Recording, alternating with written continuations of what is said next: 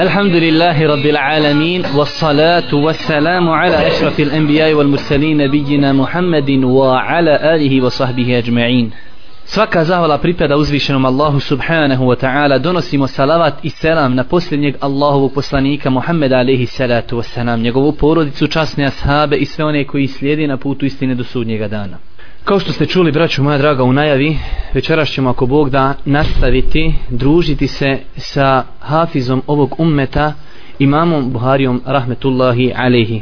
Koristi radi u nekoliko rečenica, pošto je zadnje predavanje, ovaj prvi dio bilo već podavno, spominjit ćemo ukratko šta smo govorili u prvom dijelu, a i zbog onih koji nisu bili tu spomenuli smo na prvom redu iz kojeg razloga govorimo o islamskim velikanima. Kazali smo da je muslimanski ummet u jedno u jednom stanju i te kako u jednom stanju.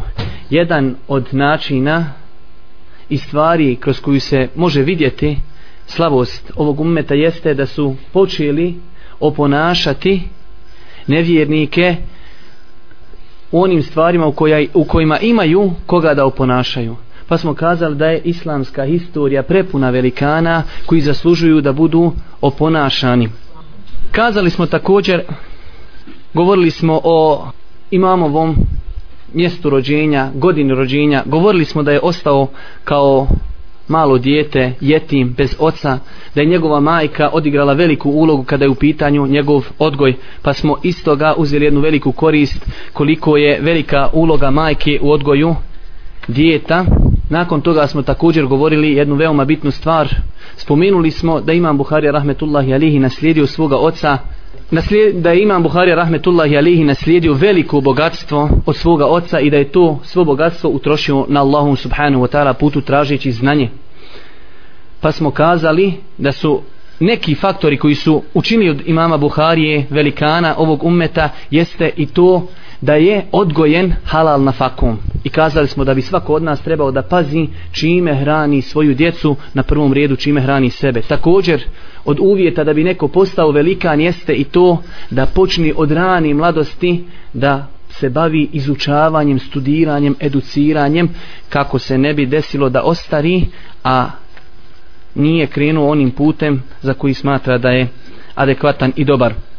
I na kraju smo spomenuli, zadnju stvar koju smo spomenuli jeste da imam Buharija rahmetullahi alihi u 16. godini svoga života izišao na putovanje traženja znanja. Kazali smo da imam Buharija rahmetullahi alihi već u 16. godini pokupio svo znanje koje su imali učenjaci koji su živjeli u mjestu El Buhara, a njih je u to vrijeme bilo dosta i bili su izuzetno jaki kada je u pitanju hadijska znanost, ali imam Buharija rahmetullahi alihi već sa 16 godina pokupio je sve što se moglo pokupiti od tih učenjaka. I kazali smo da je to bio običaj u tom vremenu da čovjek prije nego što krene putovati bio je običaj da pokupi znanje od onih ljudi koji su tu što je i logično jer zašto putovati u druge gradove ako imaš od koga učiti u svome mjestu Pogledajte jedna interesantna pouka i poruka jer kazali smo da ovo predavanje neće biti samo spominjanje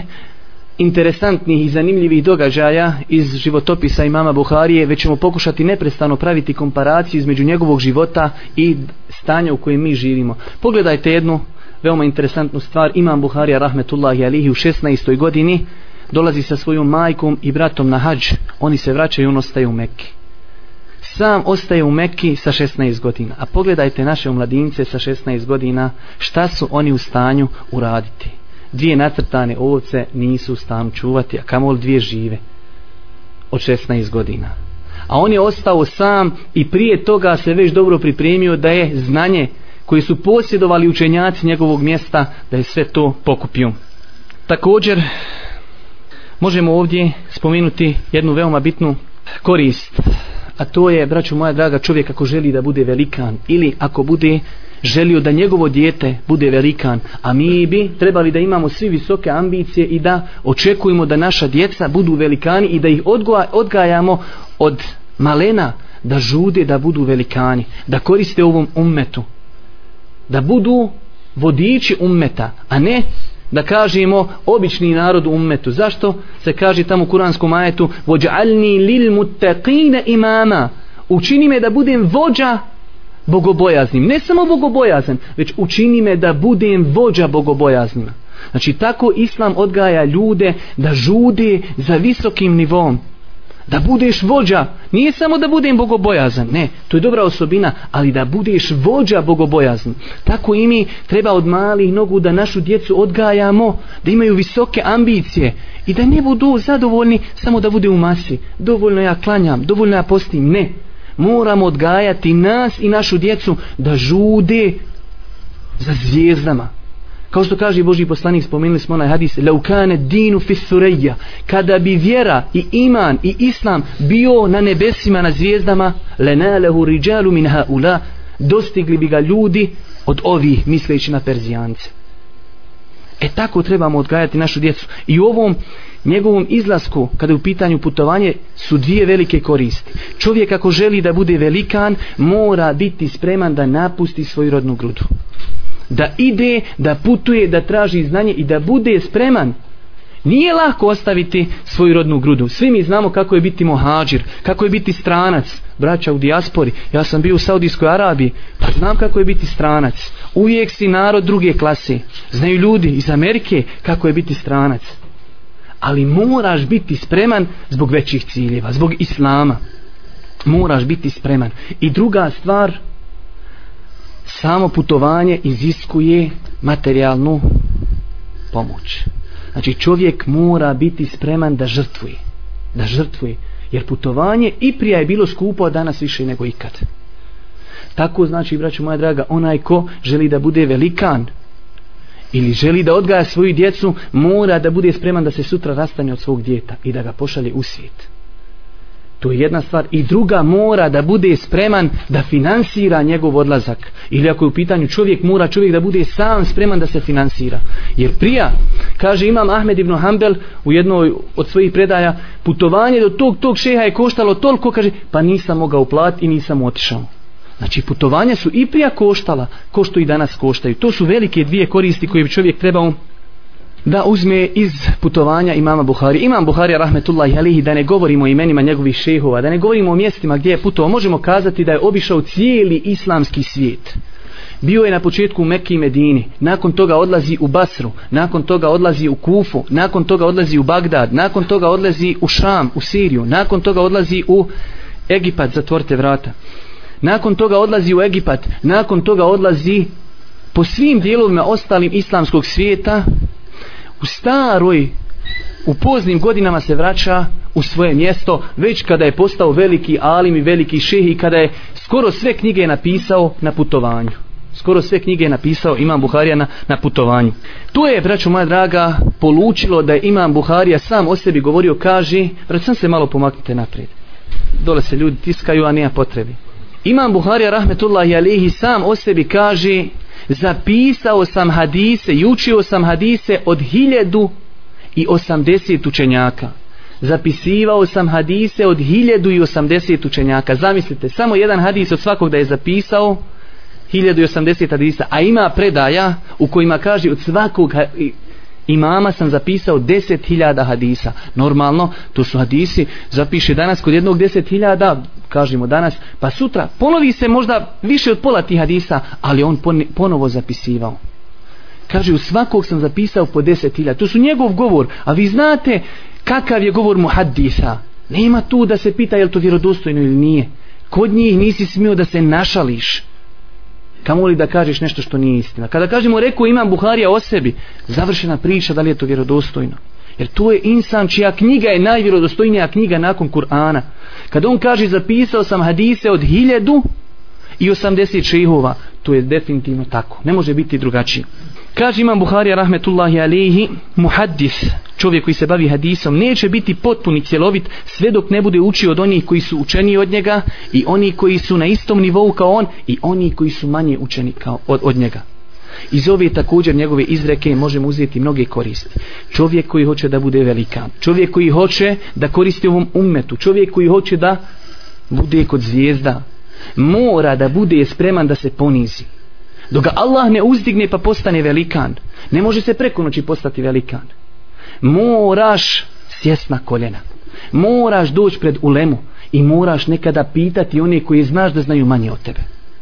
A u tome Ančar zna u nekim stvarima više od tebe ali možda uvjeri zna manje. Ali moraš ga pitati ali uvjeri nekada moraš određene stvari pitati ljude koji znaju manje od tebe nekada moraš pitati ljude koji znaju kao ti ali moraš pojenta je da budeš spreman da sjedneš svojim nogama pred ljude i da tražiš znanje Ako pogledamo u nas, vidjet ćemo u velikom broju slučajeva da mi u samom startu nismo odabrali ispravan put velikana. Put velikana je da budeš u početku spreman da se poniziš radi Allaha. Kaže Allahu poslanik, ko se ponizi radi Allaha, Allah će ga uzdići. Ne u smislu da ideš prosit, već da se poniziš onda gdje se treba poniziti. Nije žaba kazano u izreci, neće se podučiti onaj koji je stidan i onaj koji je ohol. Znači, čovjek mora ove dvije osobine da ostrani od sebe i da svoju djecu odgaja na tome. Ne smiješ biti stidan kada je u pitanju znanje, niti ohol. Ja znam ima braće ovdje primjera radi u sani. Zna da mu ja mogu dati odgovor na određeno pitanje, ali zove dalje negdje. Zove Allah te nagradio svakim dobrom, ali to ukazuje da ti nimaš pri sebi to svojstvo. I nećeš nikad naučiti. Jer ti možeš danas nazvat Sarajevo, pa sutra, pa prekustra, pa nećeš samo zbog impulsa više zvat. Pa ćeš rađe reći, neću zvat Sarajevo, ali neš pitat ni deru. Ne može, braćo moja draga. Allah mi ne govorim ovo da mene neko pita, već vam govorim da je put u lemi, put velikana, put poniženja. Onog poniženja koji je šerijatsko opravdano. Kaže jedan sluga imama Buhari rahmetullahi alihi napisao je knjigu o imamu Buhari i većina uleme koja piši nakon toga o imamu Buhari vraćaju se na tu knjigu. Pa kaže taj šeh, taj učenjak Muhammed ibn Ebi Hatim el Varrak govori o ambicijama imama Buharije pa kaže znao sam biti sa njim na putovanju.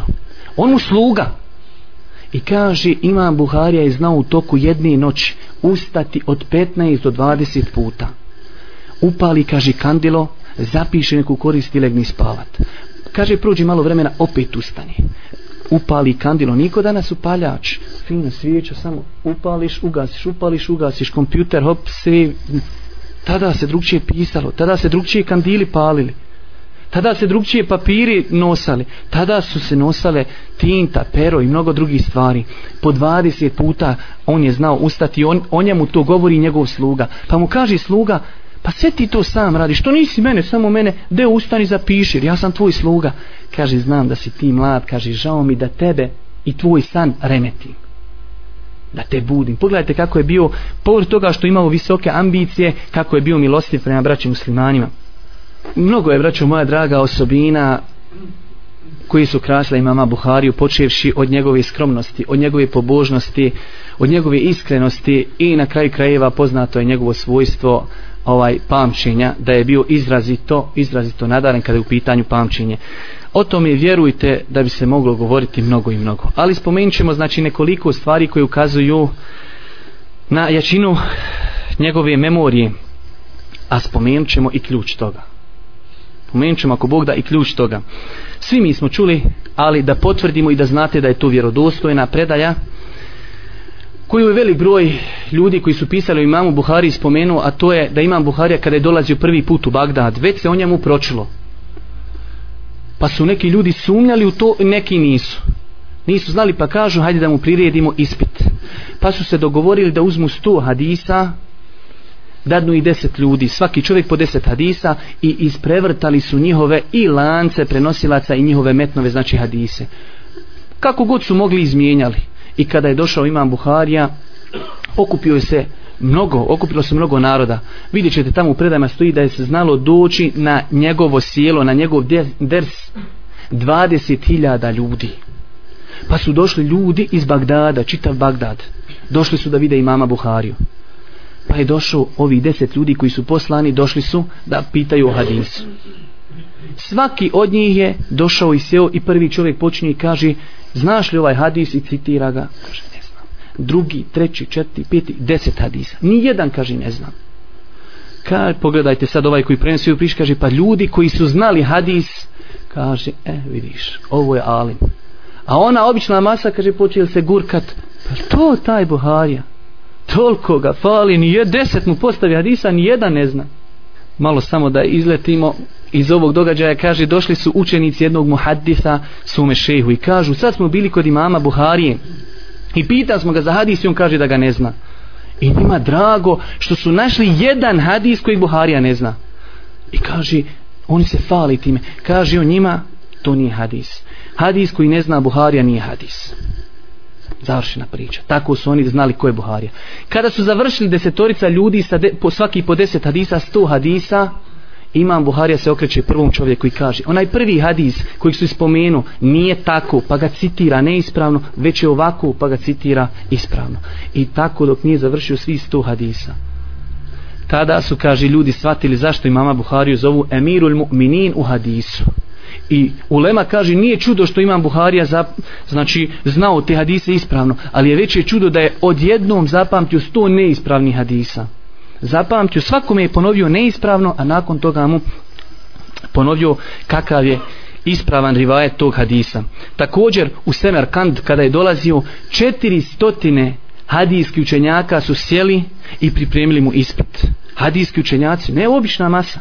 Ljudi koji znaju kako se priprema ispit i kaže pomiješali su mu prenosioce Iraka sa prenosiocima Šama prenosioce Mekke sa prenosiocima Medine. Kaže ni jednom se imam Buharija nije zbunio u odgovoru na njihova pitanja. Toliko je imao jaku memoriju.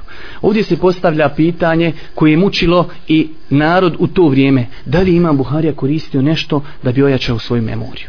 Ovo je sad najbitnije kaže ljudi su počeli u to vrijeme pričati da imam Buharija koristi nešto kako, kako bi mnogo dobro da zapamti hadise.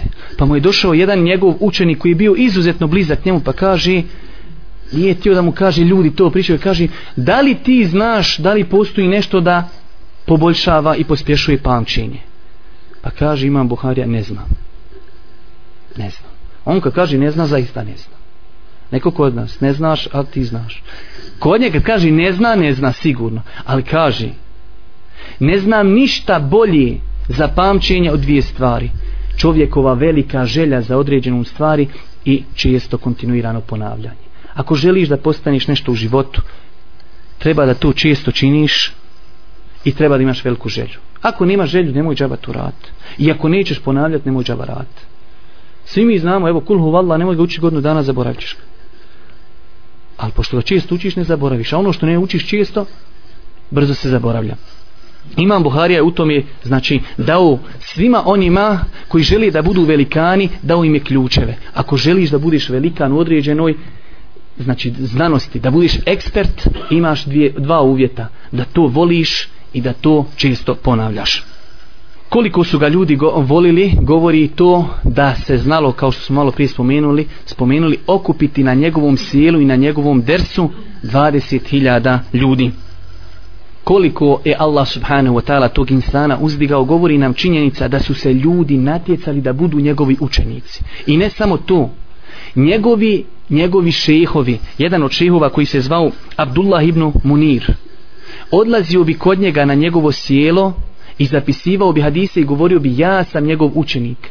Iako je imam Buharija od njega prenosio hadise u svojoj sahih zbirci imam Buharija je spomenuo da ima 1080 šehova a samo od 300 je sastavio svoju sahih zbirku. Jedan od te 300 je ovaj šeh, njega je spomenuo u svojoj zbirci, ali taj šeh je dolazio na njegovo sjelo i pisao njegove hadise i govorio, ja se ponosim, ja sam učenik imama Buharije, rahmetullahi alihi. Zato, braću moja draga, iz svega spomenutog možemo uzeti također jednu lijepu koristu, a to, to je da čovjek musliman, koji želi da koristi ummetu i društvu kojim živi, mora paziti kako ljudi gledaju na njega. Normalno opet u granicama šerijata. Ne možeš ti ako ti komšija kaže, Boga mi komšija ne velja što ti klanjaš namaz. Izvini komšija, Allah te nagradio, ali Allahov hatur je preći nego tvoj hatur ali u stvarima gdje nam je šerija dozvolio da kalkulišemo treba da pazimo braću moja draga maksimalno na narod. Kako će narod imati mišljenje o nama? To je jedna izuzetno velika korist koja će u velikom broju slučajeva u nas ući na jedno uho izići na drugo ali je to žalosno. Moramo braću moja draga izgrađivati svoj rejting kod ljudi. Ne smijemo dozvoliti da nam ljudi prepišu i pripišu nešto od čega smo čisti a s druge strane još više ne smijemo učiniti nešto zbog čega će nas ljudi opravdano prozivati. Mi moramo imati pod navodnim znacima stotinu očiju i paziti kako se ponašamo u svakom segmentu našeg života. Puno puta smo to spominjali na predavanja, ali spomenut ćemo opet. Mi moramo paziti kako idemo cestom, kako parkiramo auta, kako bacamo koru od banani, mi moramo ovo, mi ne smijemo oduzimati prvenstvo prolaza, ne smiješ proći kroz crvenu, svi to smiju, ali ti ne smiješ. Jer će tebi to odmah povezati sa vjerom pa će reći, he, hađija, jel te to vjera uči? A ono je pjani kad prođe niko, mah budala kaj, pusti ga kraju.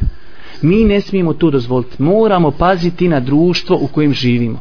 Da ljudi imaju lijepo mišljenje o nama.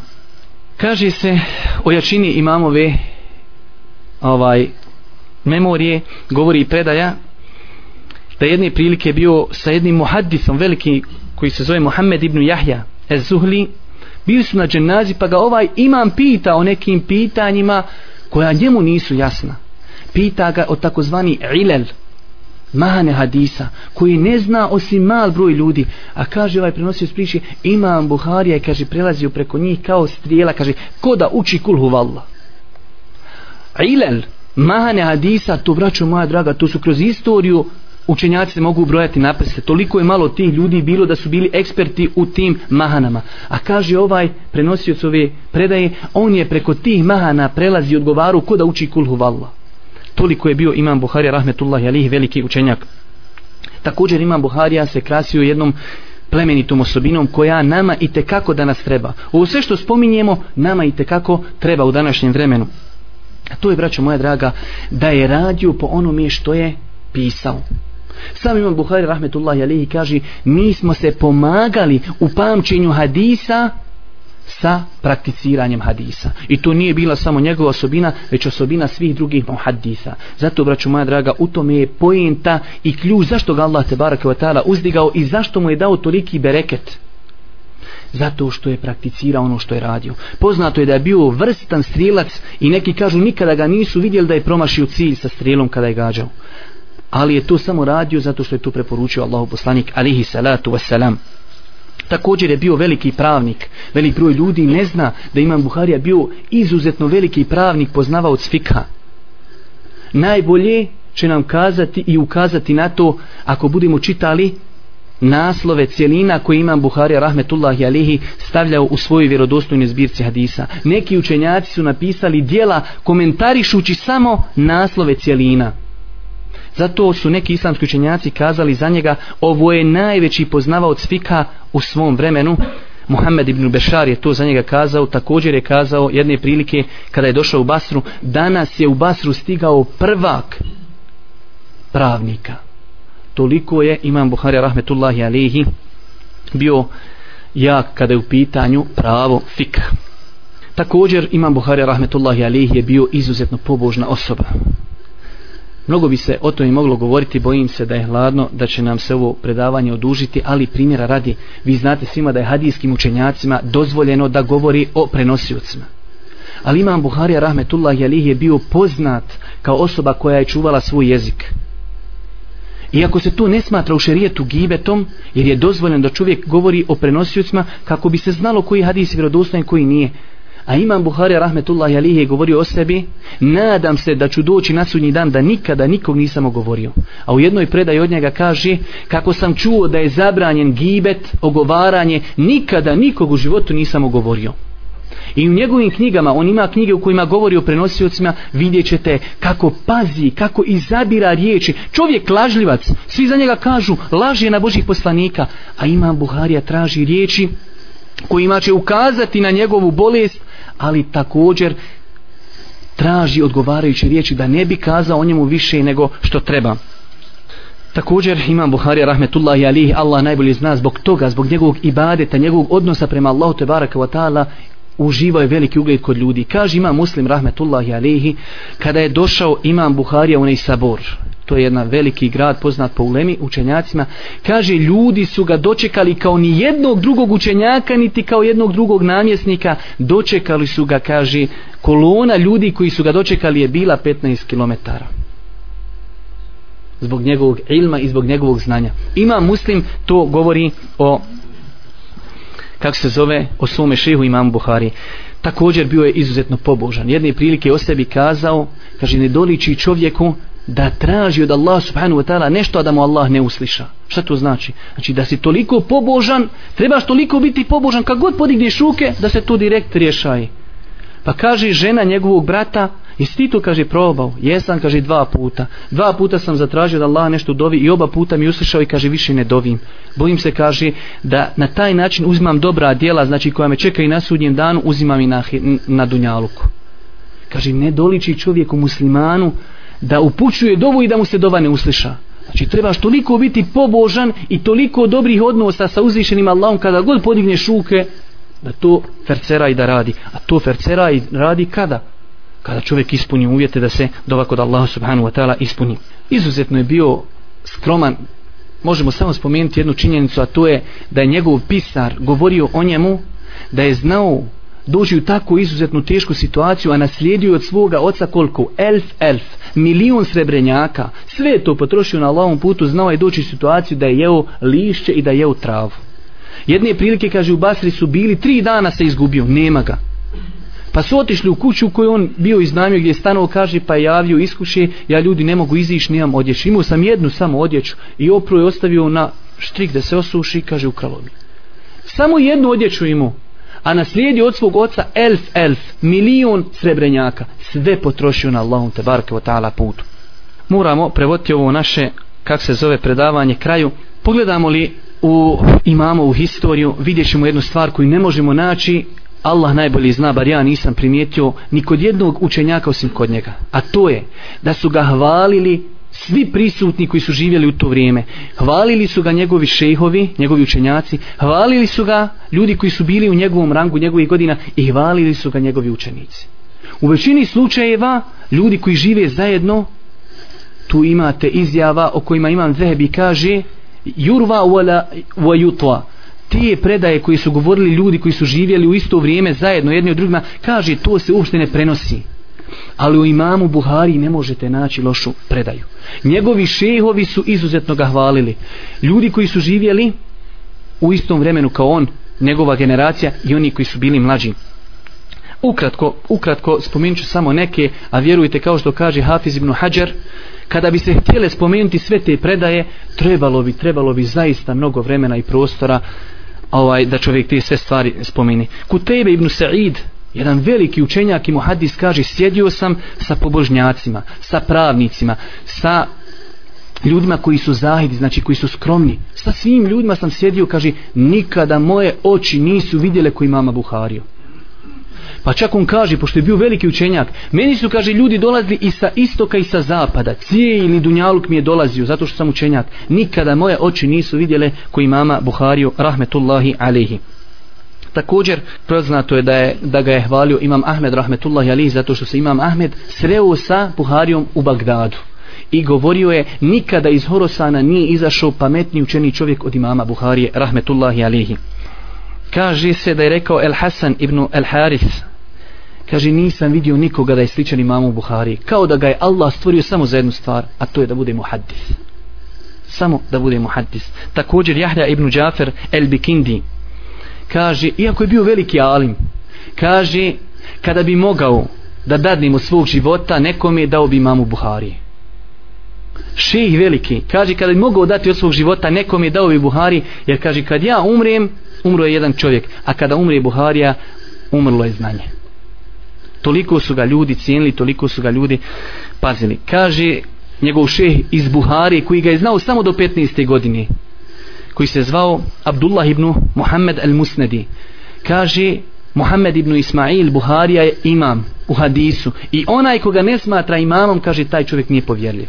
Kratko jasno su oni rješavali kada je u pitanju Buharija rahmetullahi alihi njegov šeh također Ismail ibn Ebi Uwais. Njegov šeh koji je spomenuo u svojoj sahih zbirci kaže davao mu je svoje druge knjige i on bi iz njih uzimao vjerodostojne hadise, a on bi nakon toga kada bi te hadise citirao govorio, ovo su hadisi koje iz mojih knjiga izabrao Imam Buharija. Njegov ši se fali time što je Imam Buharija iz njegovih knjiga izdvojio vjerodostojne hadise pa i on ponovo učio da ne govorimo koliko je izjava njegovih učenika koji, o, koji su hvalili imama Buhariju rahmetullahi alihi. Bojim se ako bi to počeli spominjati ja imam nešto ovdje ovaj da bi se odužilo predavanje. Imam Ibn Huzeme rahmetullahi alihi kaže nema pod nebeskim svodom niko da je učeni u hadisu od imama Buharije. Ibn Huzeme znači također jedan od njegovih učenika. Kaže Ebu Omer el Hafaf kada govori o imamu Buhari ko kaže o imamu Buhari samo lošu riječ od mene kaže na njega hiljedu proklistava sam jednu riječ korektni protiv Buharije kaže ja na njega donosim hiljadu proklistava toliko su ljudi cijenili tog insana. I zadnje dvije stvari koje ćemo spomenuti u ovom predavanju jeste samo učenici njegova smrt. Svi mi znamo da se u određenim segmentima gleda veličina insana kroz veličinu njegovih učenika. Imam Buhari rahmetullahi alihi u tim stvarima znači zaista je dostigao vrhunac.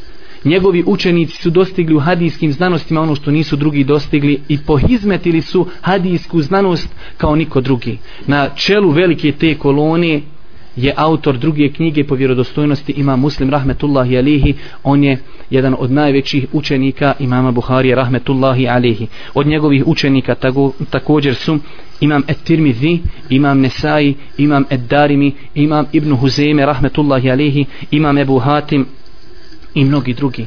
To imalo onome ko zna išta o hadijskim znanostima kada kažeš imam Et-Tirmidhi, imam Ed-Darimi, imam Ibn Huzeme, imam Nesai, da su to učenici, imam Muslim, da su to učenici imama Buharije, zaista je to dovoljno. Poput šehul Islama. Pogledajte šehul Islama Ibn Tejmiju, ko su njegovi učenici. Allahu akbar. Imam Ibn Kathir napisao tefsir koji nakon njega slabo ko da je nešto tako napisao. Imam Ezebi koji napisao određena djela da ih sada ne spominjemo. Imam Ibnul Kajim, treba li govoriti o imamu Ibnul Kajim i mnogim drugim. To je, braćo moja draga, veliki učenjaci za sebe ostavljaju velike učenike. I smrt imama Buhari rahmetullahi alihi, gašenje te velike zvijezde, tog velikog islamskog velikana, Dva su velika iskušenja koja je proživio imam Buhari rahmetullahi prije njegove smrti. Prvo iskušenje jeste da je potvoren od određenih ljudi da je kazao da je Kur'an stvoren pošto je u to vrijeme vladala velika fitna da su bili učenjaci hadisa samo iskušani tom fitnom da li je Kur'an stvoren ili nije Imam Buhari rahmetullahi alihi je potvoren da je kazao da je Kur'an stvoren iako je u više vjerodostojnih preda od njega prenešeno da je kazao da je lažov svako onaj ko kaže da je Kur'an izmišljen ali šta? On kada se vratio u mjesto svoje Buharu kao stari čovjek već neki učenjaci su zabranili da ljudi koji uče kod njih idu kod imama Buhari rahmetullahi alihi. Toliko su ih znači zapostavili, toliko su ih ignorisali da imam Buharija nakon tolike slave svoje i toliko ugleda da je dolazilo kod njega 20.000 ljudi došao je na stepen da su kod njega dolazila samo dvojica učenika. Jedan od njih ima muslim koji nikada nije ostavio imama Buhariju rahmetullahi alihi ali pogledajte ti ljudi koji su ignorisali imama Buhari i govorili ko dođe u njegovo sjelo neka ne dolazi u moje. Danas se ne zna ništa o njima osim to u historiji.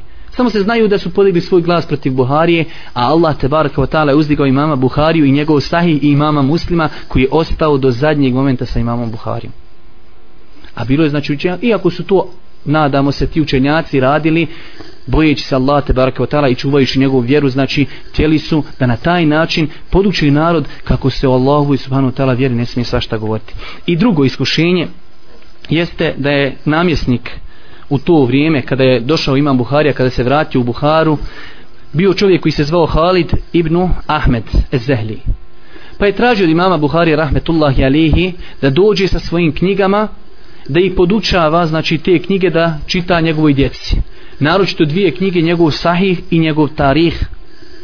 Pa imam Buharija odbio i kazao ne želim da ponižavam znanje. Ko hoće znanje nek mi dođe kući ne želim kaže da izdvajam određenu skupinu ljudi nad drugima. Kada imam sjelo u mešćidu bujrum dođite i slušajte. Pa je to naljutilo namjesnika pa je uz pomoć određeni grupacija ljudi naredio imamu Buhari rahmetullahi alehi da iziđe iz Buhari pa je otišao u jedno od okolnih sela i kaže njegov jedan rođak gdje je odsjeo slušao sam imama Buhari rahmetullahi alihi, da dovi Allahu te barak ta'ala u zadnjoj trećini noći o gospodaru zemlja mi je postala tijesna pa me uzmi sebi. I kaže nije prošlo mjesec dana od kako sam čuo da učiti dovu kaže Allah subhanahu wa ta'ala ga je uzeo u sebi. I na kraju kaže se da je jedan poznati učenjak Abdul Wahid ibn Adem et Tawawisi kaže sanjao sam Allahog poslanika alaihi salatu wasalam njega i njegove ashabe kako stoji ustali su. Pa sam ih nazvao selam pa sam ih pitao u Allahu poslaniće što stojite? Zašto ste ustali? Kaže čekamo Muhammeda ibn Ismaila Buhari kaže za dva, tri dana mi je došla vijest da je umro imam Buharija kada sam kaže pitao kada je umro kaže u onom momentu kada sam ja sanjao Allahu poslanika alihi salatu wasalam to je braću moja draga nešto ukratko o imam, imamu Buhari rahmetullahi alihi možemo rezimirati ovo naše predavanje u nekoliko rečenica. To su velikani ummeta koji bi trebali da budu vođe i vodiči nama u svakodnevnom životu i to su oni ljudi koji zaslužuju da našoj djeci u školama, u mektevima i kod kuće govorimo o ljudima koji trebaju da budu slijeđeni. Ako inša Allah budemo se tako ponašati, ponašali, nadat je se da Allahova subhanahu wa ta'ala obećana pobjeda i pomoć ovom ummetu dođe u veoma kratkom roku, a ako budemo oponašali one koji ne zaslužuju da budu slijeđeni, onda ne možemo ni u kom slučaju očekivati Allahu subhanahu wa ta'ala pobjedu. Molim Allah subhanahu wa ta'ala da nas učrsti na pravom putu. Molim ga subhanahu wa ta'ala da olakša našoj braći muslimanima. Molim ga subhanahu wa ta'ala da nas okupi u džennetu.